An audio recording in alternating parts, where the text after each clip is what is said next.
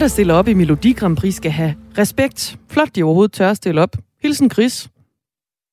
Kudos bliver der altså sendt øh, fra Chris direkte til øh, Jakob Svejstrup, blandt andet. Vi talte med før nyhederne med Thomas Sand, og også Christian Juncker, som stiller op i det her års Melodi Grand Prix. Og Jakob Svejstrup, han har altså en gang i 2005 vundet konkurrencen. Det har øh, handlet lidt om Melodi Grand Prix her til morgen, fordi Brian Rice, som er sangskriver og øh, sanger, som selv har deltaget to gange ved Melodi Grand Prix, synes, at der er gået for meget bashing i den. Lidt ligesom uh, Pia Kærsgaard for et par år siden, synes, der er gået for meget uh, bøsse, uh, drag og gejl og glimmer i den, eller hvad det var, det hun sagde. Nå, i Melodi Grand Prix? Ja, mm. det er måske netop et, uh, et udtryk for det, som Brian Rice oplever som bashing. Um, der står her, problemet er ikke Eurovision, men licensen. Brian Rice må da bruge alle de penge, han vil på at promovere en sang. Jeg synes bare, 80 millioner for en sang er for meget. Det kommer en sang jo aldrig til at indtjene igen. 80 millioner kan gøre meget for dansk musik, hvis man ikke bruger alle pengene på lys og glimmer. Grand Prix har sin egen sound, som alle deltagere tilpasses. Folk er trætte af det. Indimellem kommer noget originalt og spændende ud af det. Men det er en tilpasningsmaskine, skriver Live. Tommy husker tilbage og skriver, det var gode tider, da det var Jørgen Mylius, der var vært ved Melodi Grand Prix og i Eldorado. Bjarne Kim Pedersen fra Nordfyn han kan binde Melodi Grand Prix og Ukraine sammen. Nå, lad os høre. Ja, det er jo en historie, vi også øh, runder her til morgen. Der skal vi omkring Kiev, hvor vi har Mads Anneberg. Han er vores europakorrespondent her på kanalen. Nå, om ikke andet, så kan Bjarne Kim Pedersen altså øh, binde de to ting sammen. Vi var i Kiev, da Jamala vandt med sangen 1944. Vi havde været i Tjernobyl hele dagen, men så det på vores computer, faldt i søvn og vågnede ved det ukrainske sejrsbrøl. Det mindede mest om, da vi vandt EM i 92. Så får han også lige bundet, bundet en sløjfe på den sejr. Jeg var fristet af at gå på, øh, gå på gaden og feste sammen med ukrainerne, men var fornuftig, da jeg dagen efter skulle være officiel og læse op på et på Bulgakov-museet. Men det var en fest og en god sang. God dag, skriver Bjarne Kim Pedersen. God dag til dig også, Bjarne Kim Pedersen. En historie, vi øh, også kaster os over her til morgen, det, øh, den handler om øh, den tidligere chef for Forsvarets efterretningstjeneste, Lars Finsen. I dag skal Østerlandsret nemlig afgøre, om øh, varetægtsfængslingen af ham skal forlænges eller ej. Spionchefen har siddet bag træmmer de seneste to måneder, mistænkt for at lægge statshemmeligheder. Og om øh, 12 minutter taler vi med efterretningsekspert Per Henrik Hansen om den her spektakulære sag og hvad vi kan forvente senere i dag. Inden det skal vi tale om øh, den bunke af klager over danske butikker, som ikke tager imod øh, kontanter som betalingsform. Den er nemlig steget markant de seneste fem år. Siden 2017 der er antallet af klager steget fra 10 til 127 klager sidste år. Det viser tal, vi har fået her på øh, Radio 4. Klagerne de kommer, fordi danske butikker de har pligt til at tage imod kontanter som betaling, med mindre der er tale om selvbetjening, eller hvis handlen den foregår online. En af de butikker, som nu er politianmeldt, fordi kunderne i to år ikke kunne betale med kontanter, det er cafékæden Original Coffee, som hører hjemme i København. Og cafékædens administrerende direktør Jonas Skovsted Overgaard forklarede følgende om beslutningen om ikke at tage imod kontanter fra sine kunder. Det startede som en, et tiltag i forhold til corona. Øh, jeg tror, det er så mange andre. Så gjorde vi, hvad vi følte var, var bedst for at sikre en god arbejdsplads for vores medarbejdere. Øh, minimeret antallet af kontakt, kontaktpunkter mellem barista og gæst. Et af de tiltag, det var for eksempel at fjerne låg og servietter, der lå fremme bag baren, sammen med salt og pebersæt, øh, og også deri kontanter. Ja, det er altså øh, kundeklager, som har ført til, at forbrugerombudsmanden har politianmeldt cafékæden. Og nu kan jeg sige godmorgen til forbrugerombudsmand Christina Toftegård Nielsen. Godmorgen. Godmorgen. Set fra din stol, hvad tror du så, øh, årsagen er til det her stigende antal klager? Ja, vi, er, altså, vi kender jo ikke som sådan virksomhedens begrundelse for ikke at tage imod kontanter. Øh, men når vi får et, øh, et stigende antal klager, øh, så øh, antager vi naturligvis, at det er udtryk for, at der er flere øh, butikker, der ikke tager imod kontanter, altså der ikke efterlever kontantreglen, som vi kalder den. Men nu hørte du jo her en, en, øh, en, en cafékæde, som ikke tog imod kontanter på grund af corona, altså et sundhedshensyn. Tror du, der er mange, der har den begrundelse? Ja, øh, altså det, øh, det kunne vi også øh, læse, da vi, øh, da vi fik en række klager i 2020 øh, at, øh, at mange butikker øh, afviste kontanter under henvisning til coronavirus. Og det kunne vi jo øvrigt også se i skilte og så videre, når vi selv øh, bevægede os ud som forbrugere. Men vi offentliggjorde i maj 2020 en pressemeddelelse om, at kontantreglen altså ikke blev øh, suspenderet, da øh, vi havde, altså da coronavirusen, om jeg så må sige, øh, var, var mest faretruende. Det har den ikke været på noget tidspunkt. Og det øh, blev den ikke jo også af, af altså fordi øh, man sundhedsmyndighederne vurderede, at der ikke var nogen særlig risiko forbundet med at tage imod kontanter. Og der er jo trods alt øh, noget med nogle penge, der går fra en hånd til, øh, til en anden, og vi skulle jo holde afstand. Men helt grundlæggende, er det så et, et, øh, er det så et problem, at butikker de ikke tager imod kontanter? Ja, som håndhævende myndigheder, der er det et problem, når virksomhederne de ikke overholder den lovgivning, som Folketinget har vedtaget. Øh, og vi har, en, øh, vi har en kontantregel, der siger, at virksomheder skal tage imod kontanter i tidsrummet mellem klokken 6 og klokken 22 om aftenen, som udgangspunkt i hvert fald. Der er så særlige områder, hvor der er vurderet, at der kan være risiko for, for røveri, hvor man kan nøjes med at tage imod kontanter til kl. 20 om aftenen. Øh, men når der er en sådan regel, ja, så skal virksomhederne jo efterleve den. Så det er et juridisk øh, problem, men ikke et, kan man sige, et praktisk problem? Som, så, når, som tilsynsmyndighed, der, øh, der skal vi håndhæve lovgivningen. Men, øh, men bag ved lovgivningen, øh, der er jo nogle hensyn. Altså, der er jo årsager til, at, at, øh, at vi har lovgivning, også kontantreglen. Og hensynene bag kontantreglen, det er, at, at personer, der øh, ikke måske ikke har mulighed for at betale andet end kontant, har ret til at betale kontant. Øh, eller måske foretrækker at betale kontant, selvom man har et betalingskort. Men der er jo, øh, der er jo øh, stadigvæk øh, grupper, som ikke typisk ikke har andet end kontanter. Børn for eksempel. Der er også, der er også ældre og, og øh, måske hjemløse, som ikke har en mulighed at betale med, med kontanter. Så det er for at undgå diskrimination, er... at man skal have muligheden for at kunne øh, betale med kontanter? Ja, jo ikke, jo ikke diskrimination som sådan. Altså for, øh, for alle er det jo en, en helt, øh, ja, helt grundlæggende at kunne betale øh, for produkter, som man, man køber. Ifølge betalingsloven, der har øh, betalingsmodtagere som udgangspunkt pligt til at modtage kontant betaling i tidsrummet fra klokken 6 til klokken 22, som forbrugerombudsmanden også nævner her, hvis de altså også modtager betaling med eksempelvis betalingskort og mobilbetaling via app. Butikker, der ligger i øh, områder med forhøjet risiko for røveri, kan dog nøjes med at tage imod kontanter fra 6 om morgenen til klokken 8 om aftenen. Reglen den kan ikke omgås ved at skilte med, at man ikke tager imod kontantbetaling eller frabærer sig kontantbetaling. Og det kan heller ikke omgås ved at undlade at have byttepenge i sin øh, butik eller virksomhed. Det fremgår af Forbrugerombudsmandens hjemmeside. Christina Toftegård Nielsen, forbrugerombudsmand. Hvis man nu skilter med, at man ikke tager imod kontanter, så kan dem, der betaler med kontanter, jo bare fravælge den pågældende butik eller virksomhed. Hvorfor er en skilteløsning ikke en god mulighed eller en god løsning? Ja, det korte svar er, at det er det ikke, fordi man ikke må. Man har pligt til at tage imod kontanter, som du lige nævnte. Øh, og så kan man jo ikke skilte med, at det gør man altså ikke. Hvor går grænsen for, hvornår en virksomhed bliver politianmeldt for ikke at tage imod kontanter? Vi har øh, altså indtil, øh, indtil sidste år, øh, der gav vi advarsler, når vi fik klager over overtrædelse af kontantreglen, øh, og vi, øh, vi orienterede selvfølgelig virksomheden om, at, at de er forpligtet til at tage imod kontanter. Øh, men, øh, men virksomheder, der efter at være gjort opmærksom på det, fortsat overtræder øh, kontantreglen, dem har vi politianmeldt.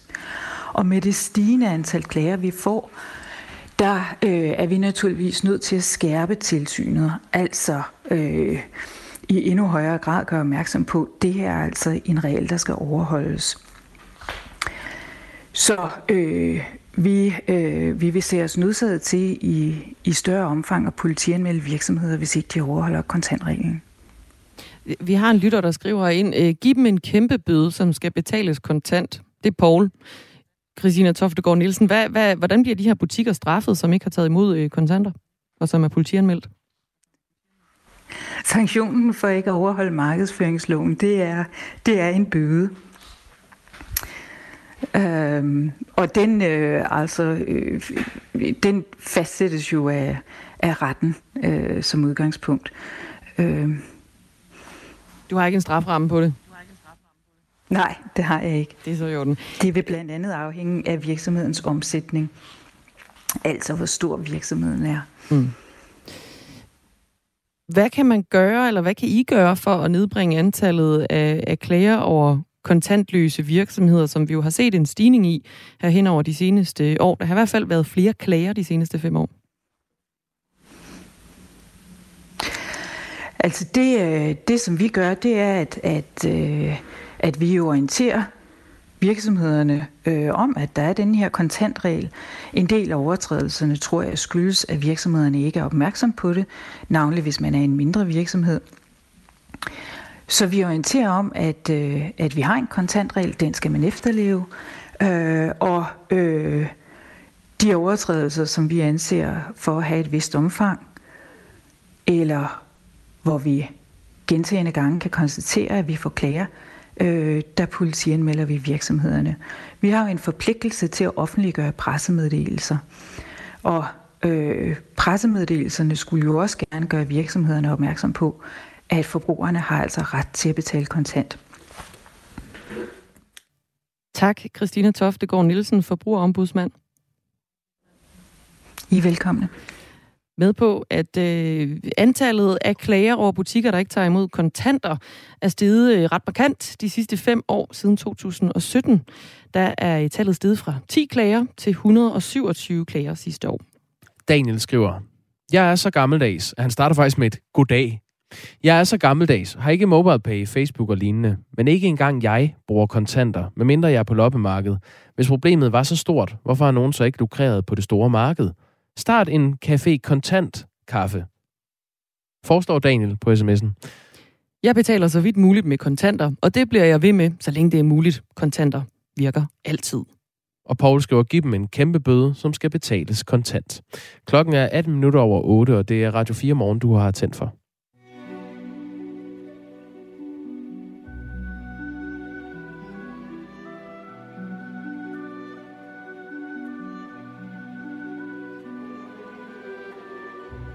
Hvorfor spiller jeg Tchaikovsky i Radio 4 morgen, Dagmar? Jamen, øh, det gør jeg, fordi det er blevet tid til en kort fødselsdagsquiz. Vi skal Juha. lige om lidt behandle øh, sagen om øh, den fængslede spionchef Lars Finsen. Men der er lige tid til at højtidligt holde de begivenheder, der er fundet sted i dag den 17. februar. Ja, tak. Svanesøen, som øh, Tchaikovskis øh, skønne musik her kommer fra, det er en ballet.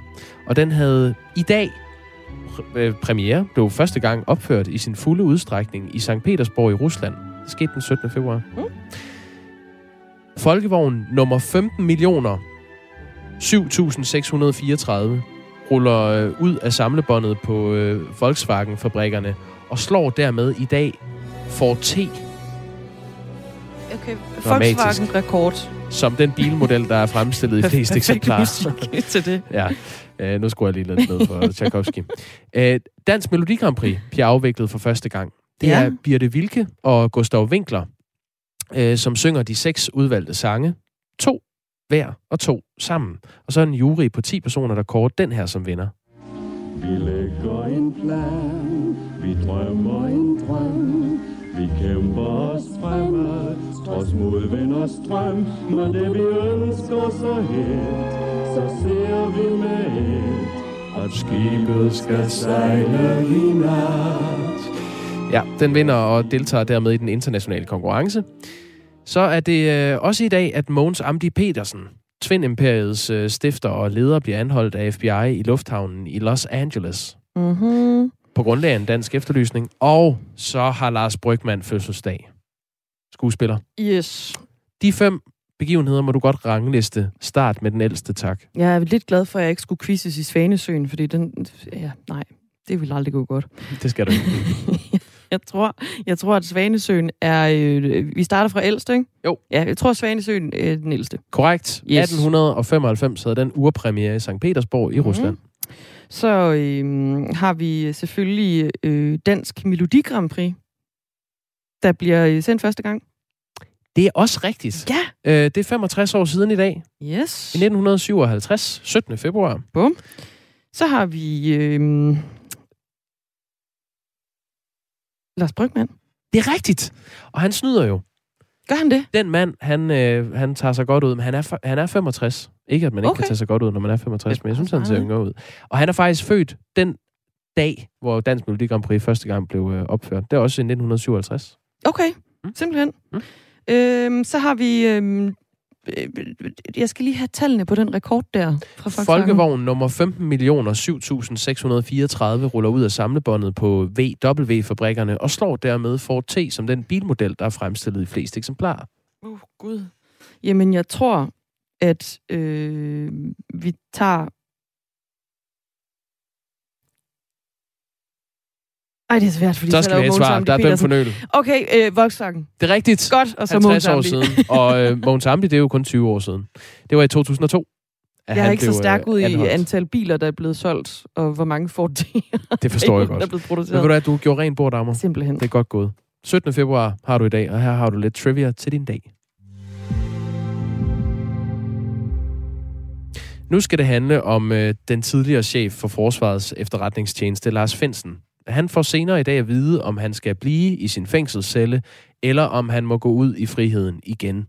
Lars Finsen har siden den 8. december været anholdt og øh, siden fængslet med mistanke om, at han har røbet statshemmeligheder til blandt andet journalister fra flere danske medier. Sagen har været omgået af total tavshed fra myndighedernes side og foregår bag dobbeltlukkede døre, men øh, hen over de seneste dage har flere tidligere topembedsfolk øh, rettet en hård kritik mod regeringens håndtering af den her meget betændte sag. Nu skal vi sige godmorgen til øh, Per Henrik Hansen. Ja, godmorgen. Godmorgen. Du har en Ph.D. i koldkrigs- og efterretningshistorie, og er daglig leder af Koldkrigsmuseet Langelandsfortet. Og så har du fulgt den her sag om Lars Finsen øh, nøje. Tror du, han bliver løsladt senere i dag? Jeg synes, den her sag er speci- så speciel, at jeg tør simpelthen ikke spå om noget. Øh, hvis der var nogen, der øh, 1. december havde sagt, at chefen for Forsvarets efterretningstjeneste ville blive varetægtsfængslet, hemmeligt vel at mærke, øh, og at han ville få forlænget den varetægtsfængsling flere gange, baseret på nogle anklager, som øh, vi ikke kender til, så vil jeg have sagt, øh, den må du længere ud på landet med. Vi, vi har ikke nogen sager, øh, du kan sidestille det her med, øh, rent historisk set. Så, så, så, øh, så, jeg, så jeg, har ikke noget, jeg har ikke noget historisk grundlag, eller juridisk for den sags skyld. Jeg er godt nok ikke jurist, men, men vi har ikke rigtig noget grundlag at, at vurdere den her sag ud fra. Det er det, der gør den afsindig speciel. Har du nogen formodning om, hvad det er, der er foregået, siden Lars Finsen han er blevet øh, fængslet? Jamen, du sagde det jo selv i din, i din indledning. Rygterne går ikke om, at, at, øh, at han skulle have lægget informationer til, til, til forskellige journalister i, for, til forskellige medier. Øhm, og der må jeg jo bare sige, det, det er jo altid sket. Efterretningschefer har hele tiden haft kontakter til pressen, og, og det er en del af deres virke øh, øh, fordi man skal bruge pressen aktivt øh, for ligesom at få folk forklaret på den ene eller på den anden måde, hvilke farer der er i vores samfund, uden at blæse dem stort op. Nu kan du tage et godt eksempel faktisk. Den serie, der kører på DR, mener det er om den iranske efterretningstjeneste og deres forsøg på at likvidere folk forskellige steder. Øh, den baserer sig blandt andet på PET-dokumenter og overvågningsbilleder. Øh, det er min klare formodning, at dem har de selvfølgelig på en eller anden måde fået legalt. For ellers så har du jo også en kæmpe stor skandale der. Så er der også nogen, der har lægget informationer der. Og jeg siger det, fordi at, at nogle gange så bruger det politiske system jo medierne aktivt til at få fortalt nogle historier. Og så er det okay, så er det legalt nok, kan du sige, at tale med pressen, fordi så er der en politisk godkendelse bag. Men hvorfor er det så, at den her sag om Lars Finsen, den ender med, at han bliver anholdt? Ja, ja, jamen det, det kan jeg jo af god grund ikke sige dig, for vi ved ikke, hvad han er anklaget for. Men hvis man skal formode, hvad der er foregået, så kunne det være, at det, han har lægget, øh, hvis han har lægget noget, det skal jeg skynde mig at sige, for det, det, er jo det er der jo ikke nogen, der ved. Nej, men det kunne der være en, en grund til at formode, siden at den bliver behandlet så hemmeligt, som den gør, og, og hans varetægtsfængsel bliver ved med at blive, øh, blive forlænget, ikke? Ja. Ja, ja, det er rigtigt. Øhm, øhm, jamen, det kan jo have været oplysninger om den her dansk-amerikanske aftale øh, om kabelsamarbejdet, ikke? Som, som alle jo godt nok siger, jamen det har vi jo kunnet læse i Snowden-papirerne i overvis. Ja, men der er forskel på, at noget i gåsøjne er kendt, og så at den ene part i den måske den mest hemmelige aftale, som Danmark nogensinde har lavet, øh, at den ene part der faktisk går ud offentligt og anerkender det. Og det er også det, der er tilfældet med, tror, med Claus Hjort Frederiksen, øh, tidligere, tidligere minister. Øh, per Henrik Hansen, jeg kommer lige med lidt fakta om sagen. Den, den tidligere chef for øh, FE, altså Lars Finsen, blev den 8. december anholdt med mistanke om at, øh, at røbe statshemmeligheder. Han stod ude i øh, Københavns Lufthavn. Sagen blev taget op øh, tirsdag i denne uge i landsretten, og frem til i dag har man skulle øh, tage stilling til, om Finsen skal forblive varetægtsfængslet til forløbet den 3. marts, som øh, Københavns Byret har besluttet, eller om han skal løslades. Der er flere top embedsfolk, tidligere, også politikere, som øh, Michael Lund, øh, Niels Bernstein, øh, Carsten Dybvad, Anders Fogh Rasmussen, Uffe Ellemann Rasmussen. Det er altså eksempler på, øh, på top embedsfolk og selvfølgelig politikere, der den seneste uge har langet hårdt ud efter regeringens håndtering af den her sag, som de kalder både uprofessionel og øh, tillidssvækkende. Lars Finsen er altså sigtet for at have overtrådt øh, straffelovens paragraf 109, som kan give op til 12 års fængsel, og han nægter sig skyldig. Øhm, hvad betyder det for sagen, at flere af de her tidligere topembedsfolk de seneste dage har været ude og, og lange ud efter regeringens håndtering af den her sag, som du ser det?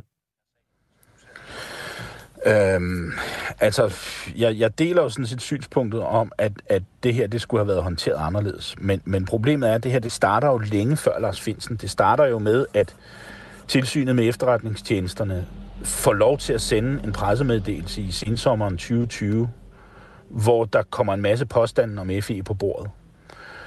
Og det er jo så dem, der sidenhen har vist sig at være blevet gendrevet af en, øh, en, øh, nogle landsdommer, der fik til opgave at sidde og undersøge påstandene. Dem har de gendrevet stort set en for en, i hvert fald ud fra hvad vi ved. Men i den proces, der ligger inde imellem, der begynder der at sive alle mulige informationer. Øh, og noget af det, der bliver fortalt, det er jo den her tophemmelige øh, aftale, som, som Danmark har mellem, øh, øh, skulle have med, med USA. Øh, og, og, og det skulle aldrig være kommet så vidt. Og i det perspektiv, der har de her folk jo ret. Den her sag skulle have været håndteret på en helt anden måde, helt tilbage fra august 2020. Nu må vi bare konstatere, at det er den ikke blevet. Og nu er det en sag, der er eksploderet mellem hænderne på regeringen, men som har konsekvenser for hele riget, hvis du kan sige det sådan, rigets sikkerhed. Fordi det, der er problemet med sådan noget her, er, at hvad enten øh, det er en minister, eller en tidligere øh, embedsmand, eller en efterretningschef, eller hvem det nu måtte være, der lægger den her type informationer til pressen, så vil mm. Danmarks samarbejdspartnere, efterretningstjenester ude omkring i verden, så vil de begynde at ryste i bukserne og sige, okay, hvornår lægger de noget om det samarbejde, danskerne har med os? Og så begynder de at lukke for, for, for kanalerne, hvis du kan sige det sådan. Så stopper informationsstrømmen. Og når vi har folk, vi har øh, styrker i udlandet på internationale missioner, så er vi afhængige af øh, et godt samarbejde med andre efterretningstjenester, for at de kan holde os orienteret og øh, informeret om, hvad der foregår i de steder ude i verden, hvor vi nu er til stede. For eksempel, når der er et krigsskib nede i Afrika. Mm. Per Henrik Hansen, øh, du skal have tak for analysen her i programmet. Så tak. Ph.D. i koldkrigs- og efterretningshistorie og daglig leder af Koldkrigsmuseet øh, Langelandsfortet, som har fulgt den her sag tæt. Det er klokken 15 i dag, Østre Landsret afsiger kendelse om Lars Finsens varetægtsfængsling. Klokken, klokken er halv ni. Der er nyheder. Halv ni.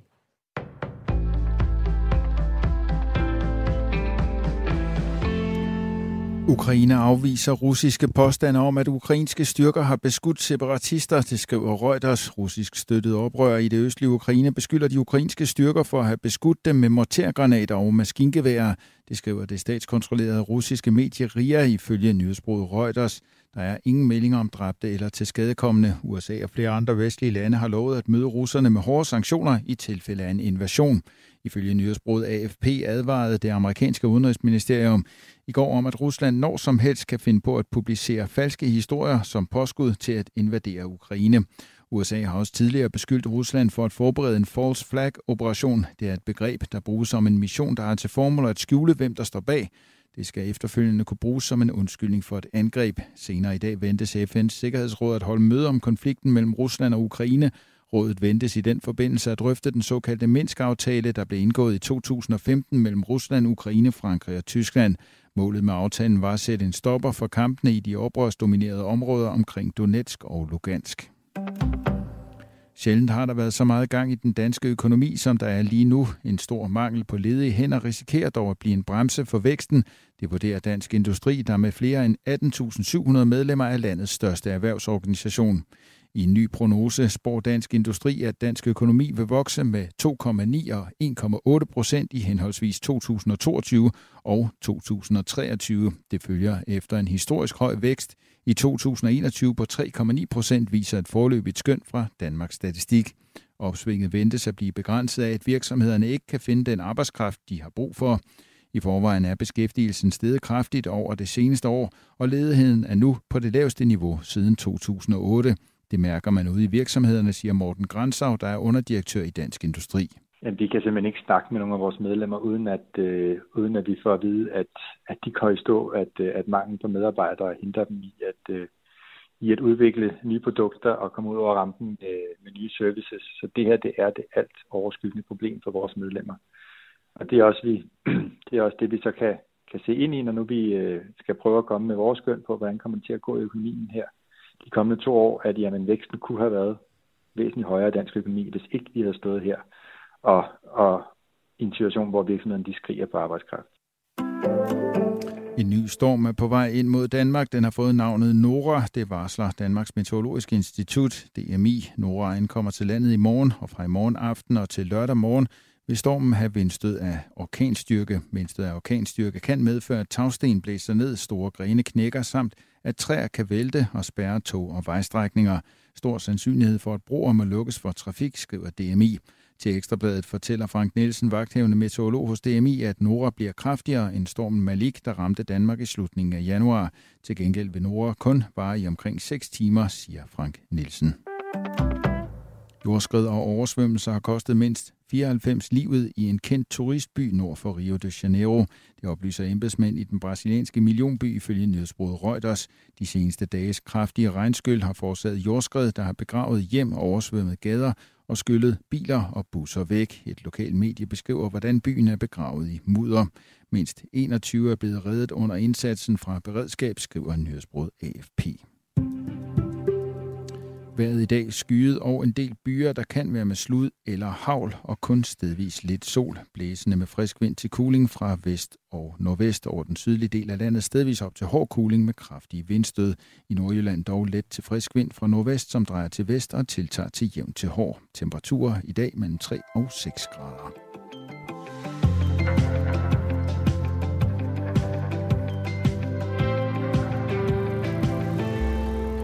Hver anden unge og hver tredje barn har oplevet at blive krænket digitalt. Det kunne være for eksempel ved at få delt øh, intime billeder af sig selv på nettet. Hos Red Barnet er antallet af henvendelser om digitale krænkelser mere end firedoblet øh, på få år. Og klokken øh, kvart i ni, det vil sige om 10 minutter, taler vi med Laura Amalie, som fik øh, delt intime billeder af sig selv. Øhm, som 15-årig i øvrigt. Det er et interview, jeg, øh, jeg glæder mig til at høre, hvad, med, hvad hun har at fortælle. Du kan skrive herind på øh, 1424. Start med R4, lav et mellemrum og send beskeden afsted. Så kommer den her ind i øh, Radio 4 morgenstudiet, som øh, i dag beværtes af Jakob Grosen og Dagmar Eben Østergaard. Krisen i Ukraine fortsætter. Og fra USA lyder det, at Rusland har udstationeret yderligere op mod 7.000 soldater ved grænsen til Ukraine de seneste dage. Og de seneste dage, der har det ellers forlydt fra Rusland, at de vil trække nogle tropper hjem. Altså er der stadig mange usikkerhed om, hvorvidt der kommer krig. Mads Anneberg er europakorrespondent for Radio 4 lige nu i Kiev. Godmorgen. Og sammen med nogle af de få danskere, der stadig er øh, tilbage i byen. Ja, det, øh, det er rigtigt. Altså langt de fleste danskere er jo taget hjem til, til Danmark her, dem som, som boede her i øh, hovedstaden Kiev. Øh, selvfølgelig efter opfordring fra, fra Udenrigsministeriet i, i Danmark, den kom allerede i fredag i sidste uge. Øh, der er ganske få tilbage, og dem som øh, er tilbage, de har lagt en meget detaljeret plan for, hvad de gør i tilfælde af et angreb, som, øh, som vi skal prøve at høre om nu her. Øh, vi står lige nu foran de tre helgeners kirke, som faktisk udgør et øh, ret centralt omdrejningspunkt i, i hele planen. Øhm, Karen Marie Kravlund, Nikolaj Krab og Jesper Bo Henriksen, altså en god portion af de tilbageværende danskere i Kiev. Tak fordi I vil være med i, i dag.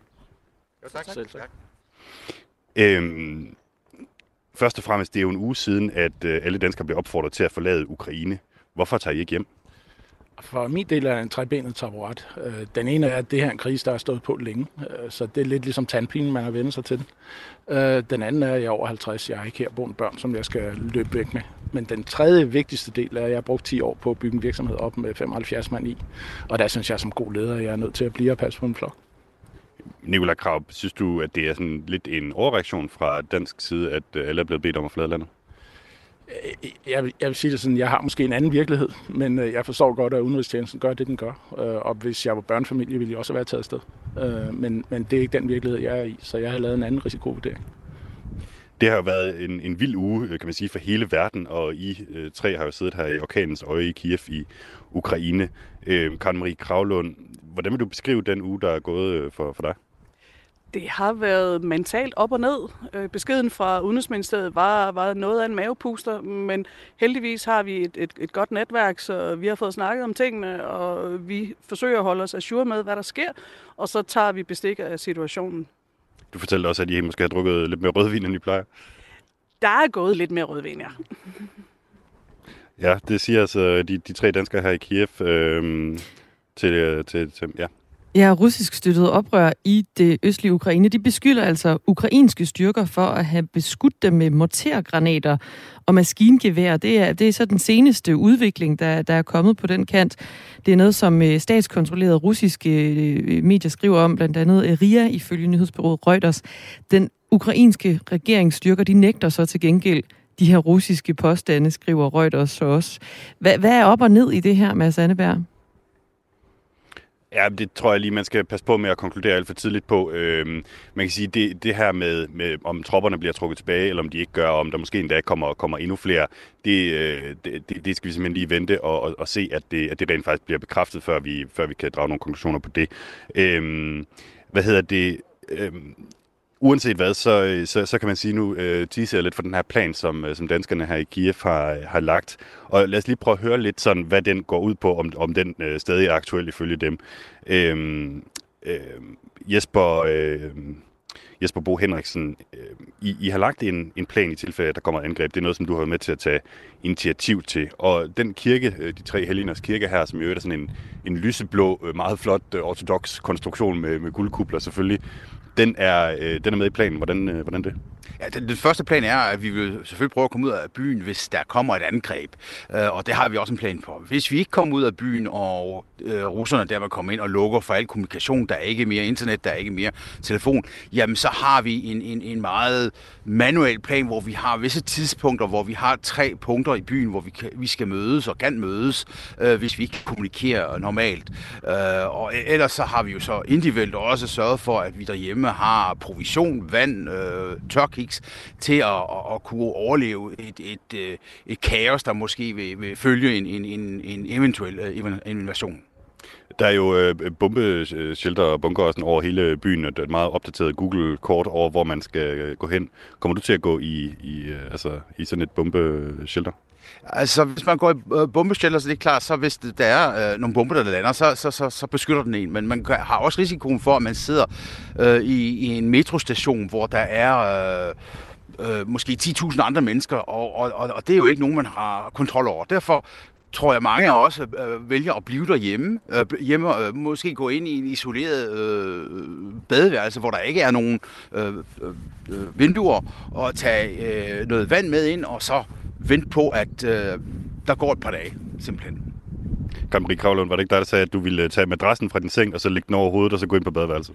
Ah, nu tager jeg nu dynen, for madrassen den er lidt tung. Men øh, jo, jeg har tænkt mig at gå ind på mit badeværelse og tage dynen over hovedet, fordi jeg fik at vide, at klinker kan også falde ned. Så man må ligesom beskytte sig selv, og så blive siddende der og ligesom vente på, at det måske føles lidt mere trygt at gå ud. Øh, og så har jeg øh, givet tilsagn om, at jeg vil godt være en del af beredskabet, så hvis der skulle blive brug for det, så stiller jeg op der kommer hele tiden øh, nye informationer, og modsatrettede øh, informationer, uanset om man sidder i Danmark eller i Kiev, så kan det være svært at, at følge med i, hvad der, øh, hvad der foregår. Der var jo rygter om, at øh, Ukraine ville blive invaderet i går onsdag. Det blev det ikke. Øh, har I indtryk af, at jeres øh, plan er sådan ved at blive overflødig? Det er faktisk svært at svare på, fordi igen, der kører en mediekrig, som er meget svær at finde, finde hoved og hale på, men jeg synes, det er godt, at vi har planen, sådan at hvis der sker noget, så lægger den klar, og så er det at trække den frem af skuffen og eksekvere. Ja, det sagde så Karen Marie øh, Kravlund her i, øh, i det centrale Kiev. Og tak til dig, Mads Anneberg, Europakorrespondent for Radio 4. Du bliver i uh, Kiev og følger situationen. Det gør jeg i hvert fald. Klokken er 18 minutter i 8. Skilsmissen på Radio 4. Far kan en mor og en far godt være kærester. Fuck, mand, ikke? Altså... Hvert andet ægteskab i Danmark går i stykker. Og hvem er man bagefter? Vi taler med 10 kendte danskere om ensomhed, splittede venskaber og om at tage børnene med i faldet. Skiftedag, det er noget fanden har skabt. Find Skilsmissen som podcast og søndag kl. 11.05 her på Radio 4. Det var det helvede for mig. Radio 4 taler med Danmark.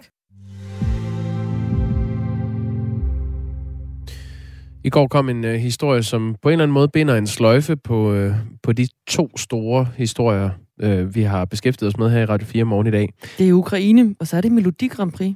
Præcis. Der bliver ikke noget Eurovision, altså det europæiske Melodi Grand Prix for Alina Pash, som er den ukrainske sangerinde, som egentlig har vundet uh, det nationale Melodi Grand Prix i Ukraine.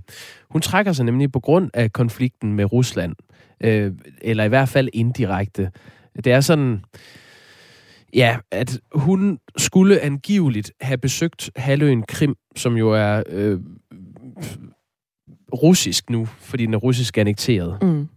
Øhm, hun er blevet suspenderet af den ukrainske Grand Prix-arrangør, øh, fordi hun skulle have besøgt Krim i 2015, og det er en øh, overtrædelse af ukrainsk lovgivning at besøge Krim. Øhm, hun siger selv, at det har hun ikke. Hun siger selv, at det er en af hendes nærmeste, der har forfalsket hendes papirer og har stukket hende. Hun skriver selv, øh, jeg ønsker ikke at være en del af denne beskidte historie længere, øh, i et sta- statement, hun har skrevet, øh, hvor hun så hævder, at det er en af de andre på det ukrainske Eurovision-hold, der har forfalsket hendes rejsedokumenter for at få det til at se ud, som om hun har rejst øh, til den her region. Og det er seriøst Melodi Grand Prix intrige, det der. Ja, det, det giver i hvert fald udslag i, at hun ikke skal synge for Ukraine. Uh, hun siger, jeg er statsborger i Ukraine, jeg følger Ukraines love, jeg forsøger at bringe Ukraines traditioner og værdier ud i verden. Det, der er blevet blandet ind i denne historie, er slet ikke det, jeg har lagt i min sang. Um, det er simpelthen, som det er i dag, så må man ikke besøge øh, Krim som ukrainer. Hvorfor må man ikke det? Øh, fordi den er øh, i russisk øh, besiddelse nu. Og så er det fy? Ja. Så det kan man sige, det er også, altså der er jo ukrainere, der har familie og venner mm. på Krim, naturligvis, fordi det er jo en del af, af Ukraine indtil 2015. Men det er der altså ret strenge regler om, øh, for ikke at sige meget strenge. Og det koster hende altså deltagelsen i uh, Eurovision Song Contest. Det var Ingen en sløjfe. Ukraine i, øh, ja. Det er Nej. ligesom Bjarne Kim Pedersen, der også fik bundet en sløjfe mellem Ukraine og Melodi Grand Prix. Ja, det bandt du også lige ind der. Præcis. Øhm, EBU, som er den organisation, der står bag Eurovision, har forholdt sig til den her øh, udsmidelse, lokale, nationale udsmidelse af en deltager, der skulle have været med internationalt. Øh, de siger i en officiel erklæring, Eurovision er en mulighed for øh, alle lande for at vise dem selv i en international kontekst, og for hver deltager til at agere som ambassadør for deres land og vinde fans fra hele verden.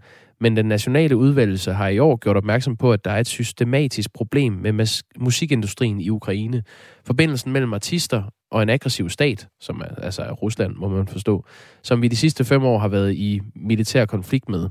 For nogle af disse forbindelser, øh, for nogle er disse forbindelser acceptable, men for andre skaber det vrede og er uacceptabelt. Så den 14. maj er der finale i Eurovision. Det afholdes i Italien i år, og du kan se rigtig langt, hvis du havde glædet dig til at se den ukrainske sang. Ja, og du kan jo så til gengæld glæde dig til lidt tidligere at få lov til at se den danske udgave af Melodi Grand Prix. Det er den 5. marts.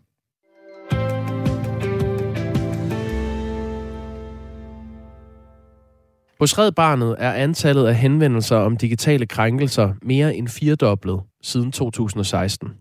I 2016 fik Red Barnet 326 henvendelser om digitale krænkelser. Sidste år var tallet helt op på 1454 henvendelser om digitale krænkelser, og det gælder faktisk kun for de første ni måneder af 2021. Det viser en optælling, som Red Barnet har lavet. Henvendelserne kommer til Red Barnets Slet det rådgivning, der hjælper børn og unge under 18 år med at håndtere ubehagelige oplevelser og krænkelser på nettet. Her er Per Frederiksen ansat som psykolog. Børn og unge er jo meget til stede i den digitale verden. Øh, og, øh, og det er jo sådan set i sig selv. Det er der ikke noget sådan for uroligende i. Det er meget naturligt. Det er et spændende sted at være. Der er masser øh, også sociale ting, der finder sted der. Men det, der virkelig er en udfordring, det er, hvor meget øh, børn og unge øh, står alene, når en ulykke sker. Og en krænkelse finder sted digitalt. Meget af dem selv, der ligesom skal håndtere det. Og, og i hvor begrænset omfang, at de, øh, at de får hjælp. Særligt, når vi ser på øh, øh, tætte voksne i forhold til dem. Det siger altså Per Frederiksen, som er ansat som psykolog hos Red Barnet. Laura Amalie Melander Heidmann, godmorgen. Godmorgen. Du er 19 år gammel i dag, men da du var 15 år, oplevede du at få delt øh, nøgenbilleder af dig selv på øh, det sociale medie Snapchat, fordi din konto blev, øh, blev hacket. Følte du dig også meget alene der? Jeg følte mig rigtig alene. Ja, jeg kendte ikke nogen andre, som også havde prøvet det før, så jeg troede bare, at jeg var ene alene. Nu, det, det er jo fire år siden nu, men hvad er det for en øh, følelse, du sad med, da du lige pludselig opdagede, at øh, du havde øh, intime billeder af dig selv liggende på sociale medier, uden du havde bedt om det? Mm, altså, jeg synes, det var mega ubehageligt, fordi jeg vidste ikke, hvem der var i besiddelse af de her billeder. Øhm, og jeg troede jo, altså jeg havde slet ikke hørt om det før, så jeg troede jo bare, at jeg sad helt alene, og så var det en eller anden mand, der sad langt væk.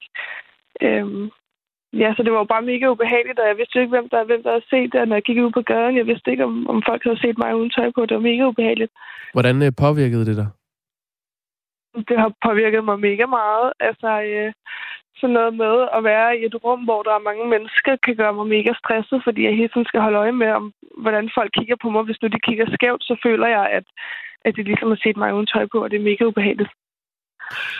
Vi har en lytter, øh, Laura Amalie Melander Heidmann, øh, som hedder Majbrit, som har skrevet her, øh, hun vil gerne høre, hvorfor man som ung vælger at øh, sende nøgenbilleder, altså at tage dem og sende dem. Øh, hvad, hvad gjorde sig gældende i dit tilfælde? Altså, de her billeder, det er nogen, som jeg ikke har sendt. Det er nogen, som jeg faktisk bare har taget. Hvorfor man tager dem, jeg tror, det er, fordi man ser så mange andre, som har billeder op af sig selv og deres kroppe. Så jeg tror ligesom bare, det er det der med at, at skulle føle sig god nok. Og så tager man et billede, hvor altså et billede kan jo være mega manipuleret, og man ser jo, kan jo se meget bedre ud på et billede, hvis man kan sige det sådan, end hvad man gør i virkeligheden. Så jeg tror bare, det er for at se sig selv på en anden måde. Og pludselig opdager du så, at, at det her indhold fra din telefon er blevet, blevet hacket og bliver delt alle mulige steder. Også med folk, du kender. Ja. ja. Lige pludselig så får jeg 30 beskeder ind af, om jeg godt er klar over, at der ligger de her billeder ude af mig på nettet. Ikke? Ja. Ifølge en uh, rapport, som Rambøl har øh, lavet for nylig for Red Barnet, så svarer hver tredje af de 9-12-årige børn, at de har oplevet noget ubehageligt på nettet i løbet af det seneste år. Altså hver tredje mellem 9 og 12 år. Det samme har cirka halvdelen af de unge mellem 13 og 17 år. Altså det, det er simpelthen næsten hver, hver anden af dem, der har oplevet det. Der er du jo en af dem, der oplevede det. Du var 15. Øh, hos Red Barnets slette rådgivning handler cirka en tredjedel af henvendelserne om, øh, om digitale sexkrænkelser, altså ufrivillig deling af intime billeder. Øhm, en af de pointer, Per Frederiksen, som er psykolog hos Red Barnet, har, er, at, at de voksne sjældent er gode nok til at hjælpe. Du valgte faktisk at gå til dine forældre, da du opdagede, at, øh, at dit indhold var blevet hacket. Hvor stor en udfordring og overkommelse var det for dig at gå til dine forældre og fortælle det? Jamen, det er jo aldrig nogensinde sjovt at skulle gå til ens forældre og sige, prøv at jeg har taget billeder af mig selv uden tøj på. Øhm, men jeg tror egentlig bare, at lige der, da jeg var i panik, altså der tror jeg bare, at det var, det var simpelthen det eneste, jeg lige kunne gøre der, og de, de eneste, som kunne hjælpe mig, og de eneste, som kendte mig godt nok, det var mine forældre. Øhm, og de, de eneste, som faktisk var kloge og kunne fortælle mig, okay, hvad gør vi her? Øhm, så det har jo bare hjulpet helt vildt meget, og mine forældre egentlig bare så det som om, okay, det kan godt være, at det er dumt, at du har taget de her billeder, men lad os gå videre herfra. Det er ikke dig, der er dum og har delt dem til alle mulige mennesker. Det er simpelthen en person, som har logget ind på dine ting og, og delt billederne uden dit samtykke. Hvordan påvirkede det her dig øh, efterfølgende, altså sådan rent socialt, når du skulle ud i, i, i verden? Jamen altså, det er jo det her med, at jeg, jeg hele tiden lægger mærke til, hvordan folk kigger på mig. Fordi 100 procent, at der stadig er nogle mennesker, som har de her billeder af mig. Folk har jo taget screenshot af dem, og folk synes, det er mega sjovt. Øhm, så jeg er mega ops på hele tiden, og, og, og hvordan folk de kigger på mig, og når jeg skal ned og handle. Altså, det, det er en kæmpe udfordring for mig faktisk, at, at gøre alle ting selv. Har, har du kunne ryste det af dig i dag? Nej, jeg tror altid, det vil være noget, som vil sidde i mig. Øhm, ja. Bliver du berørt af at tale om det? Ja, en lille smule. Jeg synes, at det er... Altså, selvom der er gået nogle år nu, så tror jeg bare aldrig, at det er noget, man kommer videre fra, fordi at føle sig så alene og, og føle, at folk har set mig på mit allerømmeste punkt. Altså nogle billeder, som jeg slet ikke har, har haft lyst til at skulle dele. Nogle, som jeg har haft liggende, hvor man faktisk skal logge ind med kode på for at skulle se. Ikke? Øhm, det er jo lige pludselig blevet delt, så det er jo, det er jo, det er jo mega ømt. Altså, kan du pege på øh, noget, der, der kunne øh, hjælpe dig? Altså øhm, et fællesskab eller øh, et eller andet, som man kan indgå i for at få det her bearbejdet på en eller anden måde? Jeg tror ikke rigtigt, at der... Altså, at jeg ved, der vil kunne være et eller andet, som vil hjælpe mig. Jeg tror egentlig bare, at jeg kan allerede mærke nu, det der med at være åben omkring det, det der med, okay, nu har jeg faktisk en stemme, som kan gøre, at det måske ikke sker igen. Det håber jeg ikke, og det krydser jeg, krydser jeg alt, jeg har, for at det ikke sker igen. Men det der med at snakke højt om det, og, og bare sige, ved du hvad, det kan godt være, at det har været dumt, at jeg har taget de her billeder måske, men, øh, men jeg fortryder ikke, at de er taget, og det er ikke min skyld, at de røg ud i et forum, som, hvor alle kan se det. Tak fordi du var med her, øh, Laura Amalie Melander Heidmann. Selv tak, og tak fordi I sætter fokus på det. I dag kl. 13.05 øh, har Radio 4 undersøger premiere på øh, den nye programserie Hackeren i blandt os. Den handler om en uh, usædvanlig grov sag om digitale krænkelser, som i uh, januar i år sluttede ved retten i Holbæk, hvor en ung mand blev idømt ubetinget fængsel for omfattende hacking af mindst 64 unge kvinder. Og en af de kvinder er Laura Amalie Melander Heidmann, du netop har hørt her i programmet. Hvis du ikke kan vente med at øh, høre den her øh, podcast, øh, fortælling, så ligger første episode allerede i en podcast-app nær dig. Du skal søge på Radio 4 undersøger og hackeren i blandt os. Klokken er 6,5 minutter i 9. Du lytter til Radio 4 morgen. Før man kritiserer årets sange i Melodi Grand Prix, så skal man give dem en færre chance. Det mener sanger og sangskriver Brian Rice, og han øh, fortæller også om det i et debatindlæg i Kulturmonitor. Og tidligere på morgenen her i Radio 4, der uddybede han det sådan her.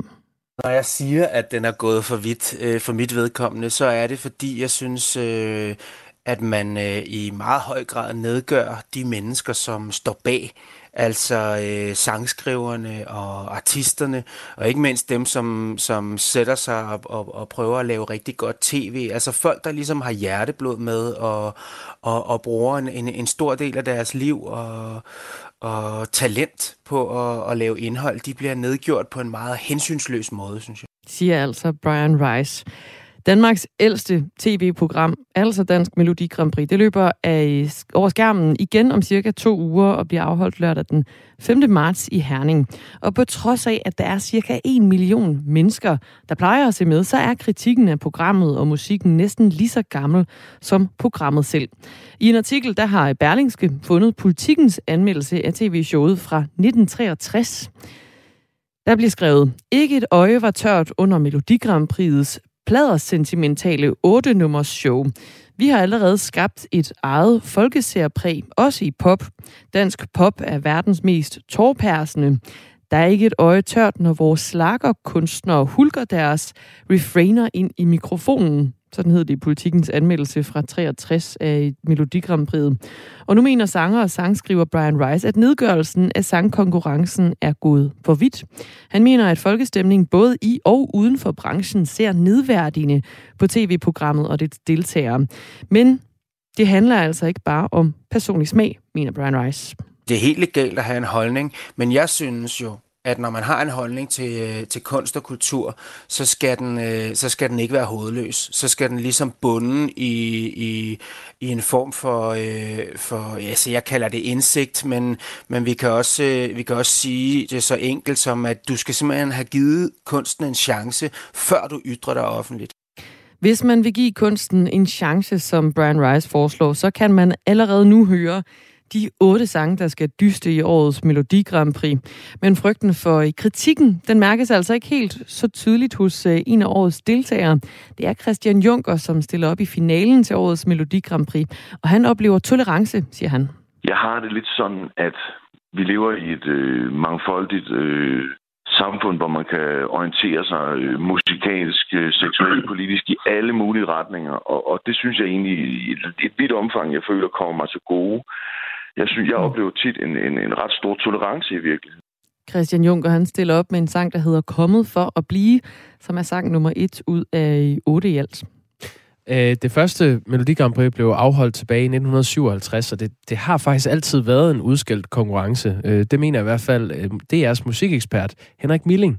Allerede det første år, hvor Danmark var med, der var rigeligt af folk fra pressen og meningsdannere omkring musik, som havde den holdning, at man kan altså ikke konkurrere om musik. Det er dog for lavt og for plat.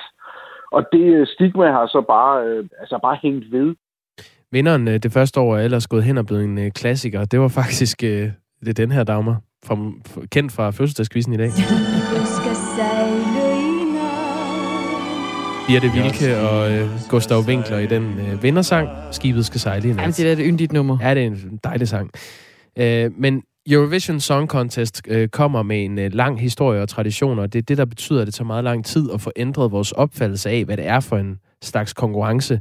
Det mener i hvert fald øh, Henrik Milling fra DR. De første mange, mange år af Eurovision Song Contest, der var det slagermusik, det er sådan noget tysk-inspireret popmusik, som til tider er ret lidt benet. Det, sådan er det jo som altså tegnede hele billedet af, hvem der slap igennem nåleøjet. Øh, og da 80'erne kom, jamen, så var det stadigvæk lidt den tradition. Nu er det så bare slakker med synthesizer og lyd på. Og det var måske heller ikke altid lige kønt. Det, det, det var meget festligt. Det var meget festligt. Jeg ved ikke, hvor kønt det var. video, video, video.